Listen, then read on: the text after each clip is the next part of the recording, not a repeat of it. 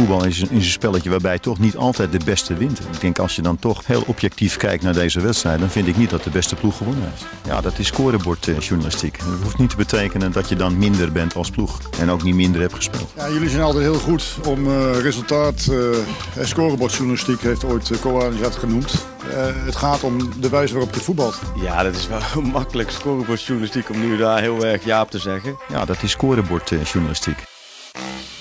Ja, de transfermarkt is gesloten, maar scorebordjournalistiek is gewoon gebleven.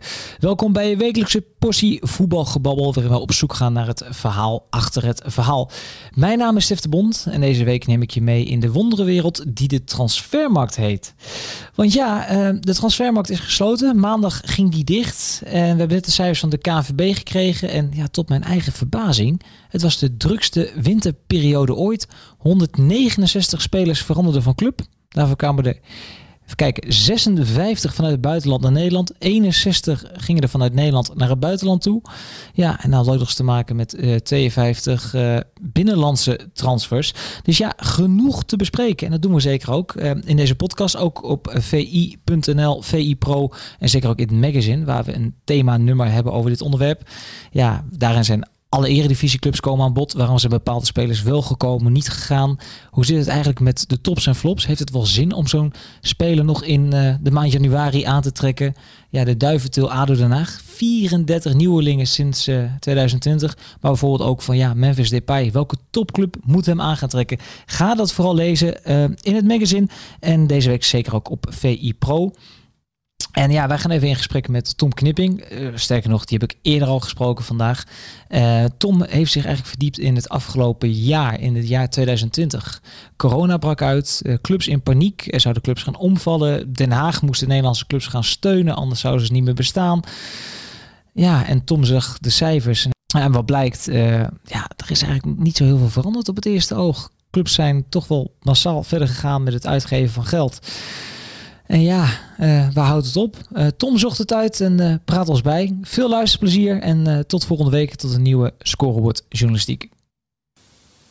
Ja, Tom Knipping, jij komt deze week in het blad met een verhaal eigenlijk ja, wat breder over de transfermarkt en de, de trends die we daarin zien. toch eerst even terug naar afgelopen winter. De KVB meldt dat het de drukste winterperiode ooit is geweest. Begrijp jij het als ik zeg dat ik, die, dat, ik dat niet helemaal aan zag komen eigenlijk? Nou, het is eigenlijk hetzelfde beeld als wat je afgelopen zomer zag. Hè? Werd weliswaar minder betaald, maar uh, het aantal bewegingen dat bleef uh, ja, behoorlijk op, op peil. Alleen in plaats van met hele dure afkoopsommen gaat het nu meer om, om ruilen en om, en om huren. En in januari zie je sowieso altijd dat er heel veel op de laatste dag nog gebeurt. Veel meer dan in de, in de zomer. Um, maar ik ben het wel zover met je eens dat ik niet zag aankomen, omdat die vorige markt natuurlijk tot 6 oktober heeft doorgelopen. Um, ja, dat is eigenlijk nog heel kort geleden. Um, en na een paar wedstrijden zijn een heleboel clubs dan kennelijk toch weer tot de conclusie eh, gekomen dat er nog een hoop, uh, hoop bij moest. Dus in die zin is het wel enigszins verrassend dat het er zoveel waren. In de zomer zag je ook wel qua hoeveelheid dat het ja, redelijk op niveau bleef in 2019. Maar het was toen geen record in ieder geval. Ja, en als we dan even kijken, ook nog even specifiek op de Eredivisie. Wat jij zegt, clubs hebben er toch maar weer bijgehaald. En het lijkt ook wel een beetje de paniek aankopen te zijn. Het blijkt de, clubs als Emme, ADO, die toch bang zijn voor degradatie. Twee ploegen gaan eruit. Die dan toch maar weer een, een ja, die hebben nog een blik, uh, ja, ja, nou ja, ik vond Herenveen en uh, Groningen uh, allebei wel opvallend. Kijk, van Ajax is natuurlijk bekend dat zij een spaarrekening hebben die ze kunnen aanbreken en transfer uh, som kunnen betalen. Uh, en de enige andere twee clubs die een transfersom hebben betaald zijn Herenveen en Groningen geweest voor een miljoen of twee. Uh, dat, vond ik, dat had ik eigenlijk niet verwacht. Uh, dat zij daar nog geld voor zouden hebben voor dat soort investeringen. En zeker voor Groningen. Ja, als je de hele historie bekijkt, is 2 miljoen toch een van de duurdere aankopen die ze ooit hebben gedaan. Ja, maar kun je dat even naar de, kun je het uitleggen aan de, aan de gewone voetbalsupporter ook in Groningen? Want ik weet, ze zijn allemaal laaiend enthousiast. Er is een nieuwe spits gekomen, een 18-jarige jongen, ontzettend groot talent. Maar tegelijkertijd, uh, kantoorpersoneel is daar ontslagen, financieel gaat het niet goed. Nou ja, ze hebben natuurlijk een, uh, een eigen talent naar Utrecht laten gaan. Uh, dus hebben ze niet de goede aanbieding kunnen doen. Remco Balk, dus, ja, ja. Ik, ik, had niet verwacht, ja, dus ik had niet verwacht dat zij voor, voor, voor 2 miljoen aankopen konden doen. Ik weet ook niet welk potje had betaald, want ze zeggen in ieder geval de hele tijd dat ze niet meer met externe financiers uh, willen werken. Ehm, ja, dus de, de verklaring daarachter, ja, die, die, die moet ik je ook schuldig blijven. Want ik, in de zomer werkte ze inderdaad de indruk dat de nood daar heel, heel hoog was, inderdaad. Met, met ontslagen en vanuit de hele eredivisie hoorde je natuurlijk dat de echte klap dit seizoen nog gaat komen. Nou, ook het spelen zonder publiek duurt veel langer dan waarvoor op was gehoopt. Um, dus ja, uit welk potje ze dat precies hebben betaald, dat zou ik ook niet weten. Nee, precies. Nou, precies. Nou, laten we in ieder geval hopen voor de Groningen aanhang dat het niet over een paar jaar duidelijk wordt dat er misschien uh, risico's zijn genomen die niet genomen hadden. Nou ja, de, de, de, algemene direct, de algemeen directeur, dat is niet een man uh, die uh, bekend staat als iemand die heel veel risico's neemt. Dus er zal vast wel een logische afweging achter zitten. Alleen ja, als je in Nederland kijkt en ook eigenlijk in heel Europa, dan zie je gewoon dat er ja, extreem weinig is betaald. Ik geloof het laagste niveau in tien jaar. Um, dus ja, dan, dan is Groningen eigenlijk niet de club uh, waarvan je verwacht dat hij even nog even 2 miljoen op de laatste dag uit de tas trekt. Nee, nee opmerkelijk, opmerkelijk. Zeker niet op, de laatste dag, zeker niet op de laatste dag van een transfermarkt hè, in de winter. Vaak worden dat soort bedragen nog wel betaald. dan misschien in de zomer, die, ja, jongens die al heel lang, waar ze al heel lang achteraan zitten. Maar ja, spelers die op de laatste dag van een periode worden aangetrokken. Ja, dat wijst die historie uit. Dat zijn niet altijd de meest succesvolle. Daar heb je wel eens eerder uh, verhalen over gemaakt. Heb je wel eens een paar jongens uitgepikt die tussen 11 uur en 12 uur uh, vertrokken. En wat er van ze terug was gekomen. Ik, ik, ik herinner me weinig succesnummers, Tom. Ja, nou, ik heb ze zo niet allemaal paraat hoor. Maar dat ging met name, ik heb een keer een artikel inderdaad gemaakt, dat ging met name de transfers in de laatste uren dan worden, worden gedaan, ja. En zeker de transfer die meestal als laatste komt, dat uh, is meestal geen succesnummer. Hoewel die kans nu wel dit keer volgens mij iets groter is, want ik dacht nu Idrissi toch? Dat Klopt. was de allerlaatste die is gedaan. Nou, nou, daar kun je toch geen bijl vallen, zou je zeggen. Nee, een jongen die zich in de eredivisie al bewezen heeft, die zou in principe gewoon ja, moeten kunnen aanhaken. ja. ja. Nee, nee top. Uh, dat, dat, dat was deze winter. Um, zoals eerder aangekondigd, meerdere verhalen in het blad over de transfermarkt. Ook over wat er, wat er dus de afgelopen week allemaal gebeurd is. Maar uh, jij bent eigenlijk iets dieper ingegaan op de cijfers over het jaar 2020. Uh, volgens mij zijn dat de jaarlijkse FIFA-cijfers, toch? Een rapport wat de FIFA uitbrengt? Ja, dat doen ze sinds een paar jaar. Want uh, bij de FIFA worden alle internationale transfers uh, geregistreerd. Als een speler bijvoorbeeld van het Ajax naar het buitenland wordt uh, verkocht, dan moet er een internationaal transfercertificaat worden aangevraagd. En dat gaat allemaal via FIFA. En de FIFA controleert dan ook even de bedragen, de makelaarsbegrotingingen. Dus die hebben alle gegevens van de internationale transfers. En sinds een jaar of vijf geven ze die altijd in januari vrij. Dus uh, we dachten dat dat wel een aardige aanleiding was om nou eens even te bekijken. Um, ja, in hoeverre er nou eigenlijk gehandeld is in dat uh, uh, corona-seizoen, zeg maar het eerste corona-jaar. Ook omdat er in april, toen die competities net waren gestopt, natuurlijk al vrij snel allerlei alarmerende verhalen kwamen over een markt die heel snel compleet zou, zou instorten. En daar maakten heel veel Nederlandse clubs zich natuurlijk toch wel uh, behoorlijk wat zorgen over. Omdat ja, wij bij uitstek een van de exportcompetities zijn. En veel clubs werken hier met gaten in de begroting. Die uh, uiteindelijk worden ja, gedicht met, met spelersverkopen. En uh, gezien wat er de afgelopen jaren verkocht is, is het ook best wel verantwoord om op die manier te werken. Alleen ze waren natuurlijk bang dat door die corona, dat dat model ja, opeens zou, zou instorten. Ja, en dan toch even de, de algemene conclusie. Dat valt wel mee, toch, Tom? Nou ja, kijk, deze winter zit daar nog niet bij. Hè. We richten ons nu op die markt die dan zeg maar tot 6 oktober heeft doorgelopen. En uh, ja, daar zie je dat het voor Nederland tot nu toe nog vrij weinig consequenties heeft uh, gehad. Um, de, de, totale markt is met uh, ruim 20% afgenomen qua geld. Dus anderhalf miljard is, is weggevallen. Dat klinkt als heel veel, maar je moet het ook zo zien. Uh, dat is nog altijd op een hoger niveau dan een jaar of drie, vier geleden.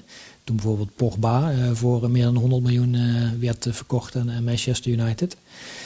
En ook als je naar de exportcijfers van Nederland kijkt, dan hebben we weliswaar hebben de clubs 100 miljoen minder verdiend dan in 2019. Maar wel meer dan in alle andere jaren daarvoor. En zelfs fors meer, bijna dubbele ten opzichte van 2016 en 2018. Dus er zijn cijfers die natuurlijk altijd wel behoorlijk fluctueren wat je aan het buitenland kan verkopen. Maar de conclusie is wel dat, die, uh, ja, dat 2020 op zich geen rampjaar is geworden voor, uh, voor, voor de Nederlandse clubs. Integendeel, qua export was eigenlijk het op één na beste jaar ooit na 2019. Maar hoe, hoe valt dat te verklaren dan? Want je zou toch zeggen, er is minder geld. We hebben allemaal gezien wat er bijvoorbeeld bij Barcelona, ja. Real Madrid gebeurd is. En toch kunnen wij kennelijk onze betere spelers nog wel slijten in Europa. Ja, dat komt denk ik ook wel door optimisme bij een aantal clubs. Kijk, er zijn een paar topclubs geweest die uh, geen geld in de markt hebben gepompt afgelopen zomer. Real Madrid bijvoorbeeld. Maar er zijn toch een heleboel geweest die wel het risico hebben genomen. Denk aan, aan Chelsea. Ehm, en ik denk ook een beetje met het idee, dat zag je in Nederland ook, van ja, dat is toch een crisis die misschien wel vrij snel overwaait. En als we dan na het seizoen weer met publiek kunnen gaan spelen, dan, uh, ja, dan komt het allemaal wel weer vrij snel op het oude niveau uh, terecht. Ehm, ik denk dat dat de reden is geweest. En wat je ook altijd ziet natuurlijk, is uh, ja, die red race die clubs met elkaar houden. Als de ene investeert, ja, als Ajax een paar spelers erbij koopt, ja, PSV wil ook naar de Champions League. Dus die gaan dat dan ook doen. Uh, onder het mom van uh, ja, geen Europees voetbal halen of degraderen. Dat is, dat is duurder dan nu een investering doen. Dat speelt natuurlijk ook altijd mee in, het, in het voetbal. Je ziet eigenlijk pas nu, nu de crisis een jaar aan de gang is, die coronacrisis in de winter, zie je eigenlijk pas echt een forse teruggang. Die al afgelopen april uh, ja, werd voorspeld. Dus dat, dat heeft vrij lang geduurd. Ja, dus, dus eigenlijk als we... Omdat clubs nu, uh, nu ondervinden, ja, zie Barcelona van, ja, in, in wat voor moeilijke situaties ze terecht zijn gekomen. Daarna speelt ook nog iets anders mee. Um, die grote clubs die financieren heel veel van hun transfers via private kapitaalverstrekkers. Met name Barcelona heeft dat de afgelopen jaren heel veel gedaan. Moeten we even uitleggen, uh, Tom? Dat, dat betekent die clubs... Nou ja, dat is eigenlijk, uh, ja, clubs lenen gewoon geld om transfers te doen. En bij een normale bank komen, kunnen ze niet terecht. Maar je hebt uh, ook een aantal fondsen voor die opgericht zijn door miljardairs. Die willen clubs wel geld voorschieten om die transfer te betalen. En dan krijgen ze zelf een, en, en zeg maar die financiële instellingen krijgen daar zelf dan een deel van. Uh, en Barcelona heeft op die manier uh, ja, eigenlijk ook geld geleend, bijvoorbeeld voor, voor Frenkie de Jong, maar ook voor Coutinho. Um, nou ja, de afgelopen maanden heb je gezien dat dit soort partijen zich ook hebben teruggetrokken uit het voetbal. Want die zeggen, ja, dat risico willen we niet lopen, want we weten niet zeker of clubs dat geld wel gaan terugbetalen. Um, en ik denk, daarvan zie je deze winter nu ook de gevolgen. Want ja, opeens kunnen clubs eigenlijk bijna geen deals meer doen. Alleen Ajax, die dan zelf nog wat geld op de spaarrekening heeft staan, die doet een deal en is bijna meteen de big spender van, van Europa. En clubs hebben zelf geen middelen om spelers te kopen. En ja, en ook die kapitaalverstrekkers willen eigenlijk liever niet meer met clubs uh, in zee, omdat het risico gewoon uh, te groot is. Um, dat speelde afgelopen zomer ook nog minder dan, uh, dan de laatste transferperiode. En het verhaal daarbij is dat bijvoorbeeld een, een club als Ajax zegt... wij willen wel een speler verkopen uh, aan Barcelona, Frenkie de Jong. Alleen we willen wel uh, vrijwel direct een, in ieder geval een deel van de transfersom zien. Uh, en dat is eigenlijk een soort van de bankgarantie die je dan krijgt... dat die externe partij dat dan zeg maar aan Ajax ja, overmaakt. Nou, wat, ja, wat in dit geval dan met Frenkie de Jong bijvoorbeeld is gebeurd. Barcelona die kocht hem, wat was het ook weer, 75 miljoen of zo? Die worden vergroten. dus dat ja. was het bedrag... Ja, dat was het bedrag dat werd afgesproken. Uh, ja, Barcelona heeft dat geld natuurlijk niet op de plank liggen. Uh, maar ja, Ajax die willen wel verkopen, maar die willen dan wel meteen het geld. Dus dan komt er zo'n kapitaalverstrekker tussen. Die, die, die schieten het uh, geld eigenlijk aan Ajax voor. zeg maar, zij kopen de claim van Ajax. Dus ze zeggen Ajax, hier heb je die 75 miljoen. en vervolgens gaan zij die 75 miljoen in de jaren daarna claimen bij Barcelona. En daar willen ze dan een percentage of een bedrag voor hebben. Nou, dat is in dit geval dus gebeurd. Dus Ajax heeft van die instelling het geld voor Frenkie de Jong uh, uh, gekregen. Nou, dat is denk ik ook een verstandig besluit geweest. Uh, gezien de problemen waar Barcelona nu in zit. Alleen, ja, dit soort partijen ja, die hebben nu niet meer zoveel zin om met, met het voetbal in, in zee te gaan. Dus uh, daardoor zal die markt de komende tijd ook wel meer uh, tot, tot, tot, tot, rust komen, denk ik. Want ja, welke, uh, gezien alle onzekerheid waar die clubs voor staan, die krijgen gigantische klappen. 30, 40 procent terug in, in omzet. Gigantische verliezen krijgen ze mee te maken. spelersprijzen zullen gaan dalen. Dus ja, die kapitaalverstrekkers denken natuurlijk, nou het risico om dat geld terug te krijgen, ja, dat wordt ons te groot. Dus ja, daar zullen ze terughoudender in zijn. Dus ja, dan wordt zo'n deal uh, Frenkie de Jong, die dan in feite op de pof wordt gekocht door Barcelona. Uh, ja, dat, dat wordt veel moeilijker om, uh, om te realiseren. Maar hoe groot kan dan die klap zijn voor die Nederlandse clubs? Want wat jij zegt, je kunt er niet op begroten, maar inmiddels doen we het wel. Want ja, je weet gewoon, als je zeker bij Ajax, maar ook bij PSV, Feyenoord, als je een goede speler hebt, op een gegeven moment gaat die geld opleveren. Maar misschien dan speler een jaar geleden 10 miljoen euro waard was, misschien is dat zometeen nog maar 3 of 4 miljoen. Ja, dat is met name voor de topclubs een, uh, probleem. Omdat zij vaak grote bedragen al hebben uitgegeven voor die spelers. Dus zie het maar als een uh, huis wat na de kredietcrisis bijvoorbeeld in één keer veel minder geld waard werd en onder water kwam te staan. Zo geldt nou ook voor de spelers. Hè. Ik geloof dat Barcelona, die hebben voor die, uh, de speler van Liverpool toen, wie was ook, Coutinho, hebben ze 145 miljoen betaald ooit. Ja, dan krijgen ze, die was al minder waard geworden omdat hij niet altijd speelde. En nu door, die, door deze crisis wordt hij natuurlijk nog vele malen minder waard. Ehm, ja, dus die maken met name de, de, de grootste verliezen. De clubs die zwaarst geïnvesteerd hebben, die maken de, de, de, grote verliezen. Ja, voor Nederlandse clubs is, dan is Ajax natuurlijk met name de, de ploeg die heel veel investeert. Maar de andere clubs investeren toch ja, geen heel grote bedragen. En uh, ja, het is natuurlijk jammer dat de jeugdspeler die doorstroomt uh, straks 2 miljoen oplevert en geen 4 miljoen. Maar dat is, dat is niet dat, daar ga je niet van omvallen. Of anderzijds worden spelers ook uh, goedkoper om te halen. Precies, en dan zit je ergens midden in dat spectrum, dus dan ga je daarvan profiteren. En dan uh, gaat het alleen om, om kleinere bedragen. voor, het niveau, voor het niveau van het voetbal maakt het op zich niet uit.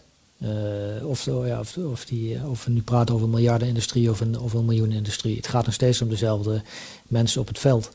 Uh, maar als die markt instort, ja, dan passen de transfersommen en de salarissen zich uiteindelijk gewoon aan. Dus voor de voetballiefhebber maakt het op zich niet zoveel uit. Het probleem is met die topclubs die zware verplichtingen aan zijn gegaan. Dus met name door allerlei financieringen af te sluiten voor transfers, waar ze nog jaren aan vastzitten. Ja, die hebben nu wel een probleem natuurlijk, als die markt onderuit gaat. Precies, dat zijn de lange termijn effecten. En, uh, Barcelona betaalt alleen al 28 miljoen aan rente per jaar. voor leningen die ze hebben afgesloten. Ja, dat is gewoon een begroting van AZ. Maar dat, dat, dat kan toch bijna niet? Dat is toch echt gewoon ongezond om? Ja, dat, dat, precies. Dus ja, dat is ook zo. Daarom heeft Barcelona natuurlijk ook al twee keer een salarisoffer gevraagd van de, van de spelers. Omdat ze eigenlijk ja, verplichtingen zijn aangegaan uh, die, uh, ja, die niet meer in verhouding staan tot, uh, tot de inkomsten die binnenkomen. Ja, maar die leningen hebben er natuurlijk ook voor gezorgd dat die prijzen enorm zijn, zijn, zijn opgedreven. Want ja, je koopt eigenlijk een speler op krediet. En als je dat over heel veel jaren kan, kan uitsmeren, ja, dan maakt het je misschien niet meer zoveel uit of je nou 80 of 100 miljoen moet betalen bij het sluiten van zo'n deal. Precies, precies. Ik weet dat je deze week op VI Pro een verhaal hebt gemaakt over uh, Barcelona en de financiën. Even een, even een korte vraag daarover. Kan een club als Barcelona gewoon omvallen? Kan dat gewoon financieel zo slecht gaan dat zo'n club op een gegeven moment niet meer bestaat? Nou ja, in theorie kan het natuurlijk wel, want het zijn bedrijven. Maar ja, in de praktijk zal dat natuurlijk nooit gebeuren. Omdat er altijd wel weer een financier of een koper om de hoek komt kijken die, die, uh, die, uh, die vervolgens de aandelen overneemt of een injectie doet. Daarvoor zijn die clubs natuurlijk gewoon uh, te groot. Dus in theorie kan het wel, maar dat gebeurt natuurlijk nooit. Nou ja, oké, dan hoeven de supporters zich daar ieder geval zorgen om te maken. Hey, ik wil toch even naar Nederland toe. Hè. Um, toen die coronacrisis uitbrak en toen de eredivisie werd stilgelegd, was er blinde paniek. We kennen allemaal nog de, de plannen die ingediept moesten worden in Den Haag voor steun. En, en hoe, hoe dat ook allemaal verkeerd ging. Want dat moest collectief gebeuren. Toen moest het weer individueel gebeuren. En er zouden clubs om gaan vallen. Maar dan lees ik jouw verhaal. En dan zie ik dus gewoon dat uh, Nederland meer uh, spelers geïmporteerd heeft dan ooit. 272 buitenlanders in 2020. En ook dat de investeringen redelijk op peil zijn gebleven. Dat was 110 miljoen, dat is nu 106 miljoen. De, begrijpen de Nederlandse clubs nog niet helemaal wat er aan de hand is, Tom? Ja, wat zei Toon Gerbrands ook alweer? Als je de wind tegen hebt, moet je investeren of zoiets. Ja, ja precies toch? dat. Ja. ik heb wel het, ja, ik heb wel het idee dat veel clubs het daar uh, kennelijk toch mee eens uh, zijn geweest. Want ja, ik vond dat ook een vrij verrassend cijfer om te lezen. Omdat je toch, ja, de afgelopen jaren hebben we toch heel veel vrees gehoord voor enorme ja, begrotingstekorten. Ehm, ook is steeds gezegd dat de echte klap nog gaat komen. Nou, dat was in september, eh, begin oktober, eh, toen er nog gekocht is, was het natuurlijk wel bekend dat deze crisis niet van vandaag of morgen zou zijn afgelopen. Ook is de verwachting dat die spelersprijzen uiteindelijk toch gaan dalen. Hè, wat je deze winter ook uh, in tegenstelling tot de zomer wel veel duidelijker ziet. Dus mij verrast het ook dat, dat er toch nog meer dan 100 miljoen is geïnvesteerd. Moet u wel bijzeggen dat daar natuurlijk grotendeels wel te verklaren is aan de hand van Ajax. Uh, want als je bijvoorbeeld vergelijkt met vijf jaar geleden werd er maar iets van 30 miljoen geïnvesteerd. Nou, die verhogingen hebben natuurlijk ook te maken met het nieuwe beleid van Ajax. Maar het is natuurlijk wel voor de clubs ja, een lastig ja, uit te leggen verhaal. Hè? Als je um, continu een beroep eigenlijk doet op overheidssponsors, supporters en ook aan de selecties om, om, bijvoorbeeld salaris in te leveren. Ehm, ja, dat is lastig uit te leggen hoe, je dan wel, hoe er dan wel geld is om toch ja, dezelfde transferinvestering eigenlijk te doen als vorig jaar. Ja, maar de meest gehoor, het meest gehoorde argument is dan: onze sterren moeten op het veld staan. Dat is ons kapitaal en dat is de manier om te overleven op de lange termijn. Ja, nou ja, kijk, dat, dat, dat kan volgens mij een stelling zijn. Uh, maar ik denk dat je dan niet kan verwachten dat uh, de overheid bijvoorbeeld dat uh, financiert. Want je kan moeilijk vragen om ambities te financieren. Het gaat dan niet meer om omvallen. Het gaat erom van we willen een bepaald kwaliteitsniveau of een bepaalde plaats op de ranglijst uh, ja, nastreven. Ja, dat, dat, dat, daar heeft een overheid natuurlijk op zich weinig mee te maken. En ook, ja, en ook aan spelers is het kennelijk ook moeilijk uit te leggen. Want in uh, april, mei, uh, toen uh, werd er een collectief salarisoffer afgesproken. Dat was de voetballerij was volgens mij een van de eerste sectoren die dat deed. We zijn ook een nieuws meegehaald als, als het goede voorbeeld. Dus dat kwam tot stand na onderhandelingen tussen spelers, vakbonden en de clubs. Um, nou, die afspraak liep tot eind december, die liep 1 januari af. En die is uiteindelijk ook niet verlengd. Terwijl de vooruitzichten eigenlijk helemaal niet zijn uh, verbeterd nog. Maar het heeft ook mee te maken dat ja, die, spelersvakbonden die zeggen ook van ja, uh, allemaal wel leuk dat actieve transferbeleid. Maar ja, we kunnen, dan kunnen wij niet aan onze spelers uitleggen dat ze weer een nieuw salarisoffer. Kunnen wij moeilijk een salarisoffer adviseren als jullie zoveel transfers doen. Dat, dat speelt natuurlijk wel mee. Jij weet hoe dat werkt in een kleedkamer, Tom. Oh ja? Nou ja, nee, ja, een nieuwe speler komt binnen. En, uh, nee, maar wel simpel. Ja, we, we, we, ja, hebben, we hebben het natuurlijk over die jongen van Groningen. Die, die Paulus Abraham komt daar binnen. Dat is dan uh, een van de grootste talenten van zijn land. Uh, Jeugd International. het wordt bekend dat er 2 miljoen euro voor betaald. Tekent voor vijf seizoenen. Ja, die gaat daar niet voor een modaal Groningen salaris spelen natuurlijk. Nee, maar Emma had ook een speler van buiten de EU. Weet wel. Er zijn al diverse clubs geweest die trainers uh, hebben ontslagen en uh, afkoopsommen hebben moeten meegeven. Uh, dus ja, dat, dat is natuurlijk allemaal moeilijk te rijmen met, met de voortdurende noodkreten die, die voor grotendeels ongetwijfeld terecht zullen zijn. maar dat is natuurlijk wel moeilijk met elkaar te rijmen. Mag ik jou nog mijn, mijn grootste uh, ja, ergernis dan van afgelopen transferperiodes voorhouden? Ik zag in Emmen uh, aan de Meerdijk gingen de supporters de hort op. Die gingen geld ophalen om versterkingen te kunnen halen bij FC Emmen. Maar wat jij zegt, er lopen gewoon jongens met een buiten EU-salaris rond. Dat is meer dan 400.000 euro. Ja, goed, maar dat weten die supporters natuurlijk zelf ook. Hè? Kijk, als supporters dat ervoor over hebben, ja, dat is natuurlijk, ja, daar lijkt me niks mis mee als die mensen dat uh, voor willen betalen. Maar het is natuurlijk wat anders dan een bonnetje indienen bij de, bij de overheid. Is iedere supporter of sponsor natuurlijk voorzichtig of zij uh, afzien van een claim of de transfers willen meefinancieren.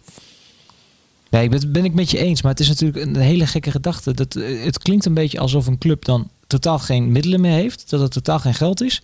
Maar tegelijkertijd lopen er wel jongens rond die meer dan 400.000 euro halen. En dat is eigenlijk de brug die ik wil maken. Wij halen dus kennelijk nog 272 buitenlanders naar Nederland toe. En dan denk ik altijd, eh, loopt er in de keukenkampioen divisie dan niks rond? Of desnoods in de tweede of derde divisie? Of bij nou de ja, dat is ook wat ik dacht. Ja, ik had echt verwacht dat de, de focus veel meer op de, eigenlijk nog meer dan normaal op de jeugdopleidingen zou gaan. Als je deze winter bijvoorbeeld weer bekijkt, ja, in de Eredivisie is er vrij veel geïmporteerd en de keukenkampioen divisie wat minder. Maar waar ik me dan over verbaas bijvoorbeeld is dan Dordrecht haalt een keeper van, uh, van Cork City. En uh, eh, MVV haalt een of andere mislukte Italiaan uit Roemenië op. Uh, van 25 jaar. Ja, dan vraag ik me wel af. Kijk, uh, er is vaak gesproken, hè? Erik Gudde heeft ook al voorspeld vorig jaar van uh, er zullen, niet alle clubs zullen deze crisis gaan overleven. Er zullen clubs failliet gaan. Nou, dan denk je toch aan uh, ja, de wat kleinere clubjes uit de, uit de keukenkampioen-divisie, waar normaal gesproken al niet zo heel veel publiek op de tribune zit. Daar denk je dan als eerste aan. Nou, hoe kunnen die hun waarde bewijzen? Dat is vooral door als opleidingsinstituut te fungeren. Uh, ja, dan denk ik van ja, Dordrecht, NVV, ja, hoe haal je het in je hoofd dan om dat soort spelers uh, uh, te halen? Dan denk ik van ja, zal in de regio of een opleiding zal er dan echt niemand... want die speler bij NVV bijvoorbeeld, die, die komt notabene ook nog op amateurbasis. Dus dat is een speler die in Roemenië totaal niet heeft gemaakt. De nauwelijks wedstrijden profvoetbal heeft gespeeld, al 25 jaar is. En komt dan op amateurbasis een plek in de selectie bezet houden ja, dan wordt het natuurlijk wel heel lastig om als je straks moeilijk te krijgen, uh, nog aan te tonen dat je echt een uh, meerwaarde hebt. Ik hoor je hardop denken, er zal toch wel een 18-jarige jongen uit de regio Maastricht zijn die minstens net zo goed is. Ja. ja, of minstens net zo goed is, dat is nu even gewoon de realiteit, lijkt me dan. Dat is de manier waarop je kan aantonen dat je, dat je natuurlijk ook maatschappelijk een grote meerwaarde hebt. En ook ja, vooral door als opleiding, eh, opleidingsinstituut voor de Eredivisie en de nationale elftallen te, te fungeren. Ja, en als je even verder op, op voorborduurt, uh, die clubs in de keukenkampioen-divisie, zeker onderin, die kunnen niet degraderen. Dat is nog het, het rare gesloten systeem in Nederland. Als ja, dus er zit ook helemaal geen druk op. Om, nee. Dus het maakt er niet uit. Als je, je kunt een veredeld amateur-elftal opstellen en uh, je blijft gewoon uh, betaald voetballen omdat je het papiertje helemaal ooit hebt gekregen. Nou, dit is uitgelezen kans eigenlijk om je, om je te onderscheiden en te zeggen van goh, ik, ik, ik weet al ja. bepaalde clubs die hebben twintig aflopende contracten komende zomer. Nou, dit, als je dan toch een goede beurt wil maken, uh, zowel bij misschien wel je achterband, die sponsoren, maar zeker ook bij de overheid. Misschien dit wel het moment om uh, de focus op de regio te leggen. Ja, maar goed, ik moet zeggen, dat is de keukenkampioen divisie. Dit, ik heb nu over een paar incidenten. Dat is wel meer gebeurd dan, dan, dan afgelopen zomer. Ik was afgelopen zomer ja, dus ook verbaasd dat die cijfers kennelijk hoger waren nog dan de jaren daarvoor qua, qua, qua import van spelers uit het buitenland. Ja, nee, ik met jou. Ook dat is natuurlijk weer moeilijk, moeilijk te rijmen met het verhaal van dat de hele boel op omvallen staat. Maar hoe staat het er nou precies voor? Staat, staat de boel nou op omvallen? Want de conclusie over 2020 is: het is wel wat minder geworden. Maar ook niet heel erg. Jij schrijft letterlijk in het stuk. Nou ja, in de winter is het natuurlijk wel de winter is natuurlijk wel veel minder geworden. Ik bedoel, de afgelopen uh, de topcompetities hebben natuurlijk vrij weinig geld uitgegeven. En zij, uh, zij zijn, die clubs zijn normaal degene die een flinke zwiep geven aan die uh, transfermolen. En dat, dat is natuurlijk wel het teken aan de wand. Ik geloof dat alleen hier PSV een ton of zeven heeft gekregen voor Hendricks. En VVV heeft dan wat geld gekregen voor, voor Lindhorst. Nou, dan heb je bij elkaar misschien over net iets meer dan een miljoen. Wat de hele Eredivisie heeft geëxporteerd. Nou ja, dat is natuurlijk deze eeuw denk ik nog, deze hele eeuw nog niet zo laag geweest.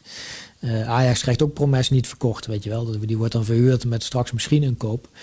Uh, dat zegt natuurlijk wel veel over de markt. En dat, ja, dat was ook wat iedereen voorspelde. Hè? Alle kenners, uh, grote voetbalbestuurders van Bayern München onder andere, maar ook makelaars zoals Rob Jansen, die, die zeiden dat allemaal in april of mei. Die, die markt gaat echt een flinke klap uh, krijgen.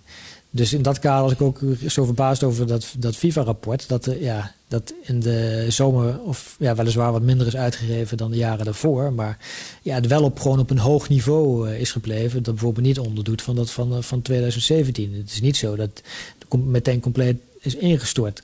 Het lijkt erop dat dat nu pas een beetje duidelijk wordt. Ja, maar dat, dat voelt dan een beetje aan alsof de clubs inderdaad hebben gedacht van misschien dat die crisis met een paar maanden wel weg is en dan wordt alles weer zoals het was. Maar inmiddels kunnen we misschien wel constateren dat de ergste klap nog moet komen. Nou ja, die transferklap die komt nog, ja. Dat is ook, uh, vorige week kwam die ranglijst uit van de grootste clubs ter wereld. Hè. Dat doet uh, Deloitte, maakt, het ieder jaar. Uh, die stellen een top 20 samen. En dan zie je ook, de, eigenlijk, dat is langslopend onderzoek naar de economische tendensen in, in het voetbal.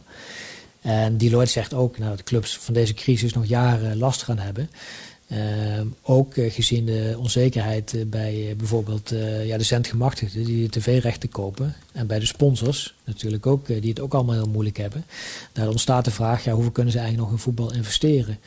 Dus zij verwachten dat het echt ja, toch een aantal jaren gaat duren voordat de omzet weer op het oude niveau is. Ehm, ja, terwijl clubs ja, die transfer prijzen die ze in de zomer nog hebben afgesproken, gaan ze meestal voor meerdere jaren aan. Dus ze gaan er nog jaren last van hebben. Terwijl ja, je nu pas voor het eerst een beetje een teruggang in de, in de spelersprijzen en, en de handel ziet. Um, dus dat wordt nog lastiger, omdat er dus bij clubs heel veel spelers rondlopen die ja, zijn aangekocht in een markt die nog top was. Uh, en moeten betaald, worden betaald in een markt ja, die, veel, die, die, die minder groot is. Ja, dus eigenlijk ook was dat de spelers die uh, afgelopen zomer of daarvoor een transfer hebben gemaakt, die zitten nog wel goed. En de jongens die komende zomer willen vertrekken, naast het feit dat ze minder op gaan leveren, zullen die salaris ook wel uh, flink afnemen. Uh, ja, die spelers kunnen natuurlijk nog steeds gaan. Alleen ze gaan voor. Dus voor de, voor de, voor de voetbalfan maakt het eigenlijk niks uit. wat, ja, wat kan jou het schelen of een speler gaat voor 100 miljoen of, voor 10 miljoen? Voor, voor, de, voor de supporter voor het niveau van het voetbal maakt het niks uit. En je ziet ook gewoon aan de aantallen in de winter ja, dat ze nog wel gewoon verkassen. Alleen tegen heel lage bedragen of, of er wordt gewoon uh, geruild en, uh, en gehuurd. Um, dus ja, je kunt inderdaad nog steeds als speler een, een, een, een, transfer maken. Alleen voor een veel lager bedrag. En dat is natuurlijk wel, dat speelt wel mee bij die spelers. Ze hebben bijvoorbeeld vaak ook een aandeel in de transfersommen. Als je bijvoorbeeld van de een naar de andere club gaat, krijg je 10% van de som. Ja, daar is voor spelers natuurlijk nu wel veel minder uh, uit te halen. Als het allemaal transfervrij en met huur gaat. Ja, en onze favoriete doelgroep, onze favoriete beroepsgroep moet ik zeggen, uh, gaat het voelen waarschijnlijk. De zaakwaarnemer. Ja, want zij krijgen natuurlijk commissies over uh, het salaris van de spelers. Uh, nou, dat zal uh, naar verwachting omlaag gaan. Kijk, Barcelona betaalt nu geloof ik meer dan 500 miljoen aan salarissen. Ja, als de omzet terugvalt naar 600 miljoen wat de verwachting is, hoef je geen wiskundige te zijn om uit te rekenen dat het natuurlijk niet vol te houden is. Dus dat zal gaan dalen. Ehm, dus ja, dan worden de commissies als vanzelf ook lager. En ook makelaars krijgen vaak een aandeel in de transfersom. Ja, dat zal ook allemaal even wat, wat minder zijn. Maar goed, ik geloof, hoeven ze ook niet op een houtje te bijten, uiteraard. nee. Het is wel voor het eerst een hele lange tijd, uh, ja, in, in, decennia, dat eigenlijk wat, uh, dat gebeurt als iedereen voor onmogelijk had gehouden. Hè? Dat die markt toch een, een, een, tik krijgt. Want het was tot nu toe alleen maar uh, groei, groei, groei. Sinds de commercie ja, eind jaren tachtig een beetje op gang kwam in het voetbal. Ja, en dan, nu, nu hebben wij geen glazen bol, hè, maar ik zit in één keer te denken Bestaat er ook nog een kans dat zo meteen, dus die transfersommen uh, die nou, storten in, die worden flink minder. De begrotingen gaan omlaag, de salarissen gaan omlaag. Maar dat je dan toch nog één of twee clubs hebt met een rijke eigenaar die gewoon de miljarden heeft liggen. Uh, dat we dan een soort situatie krijgen dat je dan echt megaclubs krijgt die alle goede voetballers verzamelen. Omdat ze nu eenmaal een dikkere portemonnee hebben dan de rest? Ja, dat speelt nu. Dat speelt de laatste tien jaar natuurlijk al heel erg in het voetbal. Uh, de UEFA heeft daarvoor die financial fair play regels ooit bedacht. Dat je niet veel meer mag uitgeven dan er binnenkomt. Uh, om er dus inderdaad voor te zorgen dat een sheik in één keer uh, een paar miljard inpompt en krankzinnige salarissen gaat betalen die totaal niet in verhouding staan tot bijvoorbeeld Real Madrid of, of Manchester United. En op die manier eigenlijk de Champions League koopt. Dus daarvoor hebben ze die financial fair play regels ooit bedacht. Ja, om dat uh, tegen te gaan. En hoewel ze die nu iets versoepelen vanwege de crisis, blijven die regels wel gewoon uh, ja, intact. En dat is, dat is maar een verhaal op zich. Dat is natuurlijk nog van alles op aan te merken. En die werkt ook vaak niet, die regelgeving. Um, maar het heeft er in ieder geval voor gezorgd dat uh, Manchester City en Paris Saint-Germain niet vanuit het niets een paar Europese kampioenschappen achter elkaar heeft kunnen kopen. Als er geen enkele regelgeving was geweest, dan, had, dan hadden die sheiks natuurlijk nog veel meer geld in de salarissen geduwd bijvoorbeeld. Oké, dus daar hoeven we ons uh, op dit moment geen zorgen om te maken. Tom, de conclusie die ik trek is dat er behoorlijk wat geld verdampt is. Dat we de grootste klap, transferklap nog gaan krijgen. Maar dat wij, de voetballiefhebbers, uh, gewoon naar hetzelfde spelletje blijven kijken. Ja, ja dat lijkt me een goede conclusie. Dan uh, gaan we daarmee aan de slag. Jouw verhaal is uh, volledig te lezen in het magazine, net als alle andere verhalen over de transfermarkt. En uiteraard ook op VI Pro. Ja, Tom, wij spreken elkaar uh, waarschijnlijk snel weer. En zeker ook uh, ja, in de volgende transferperiode. Ja, oké man. Dankjewel.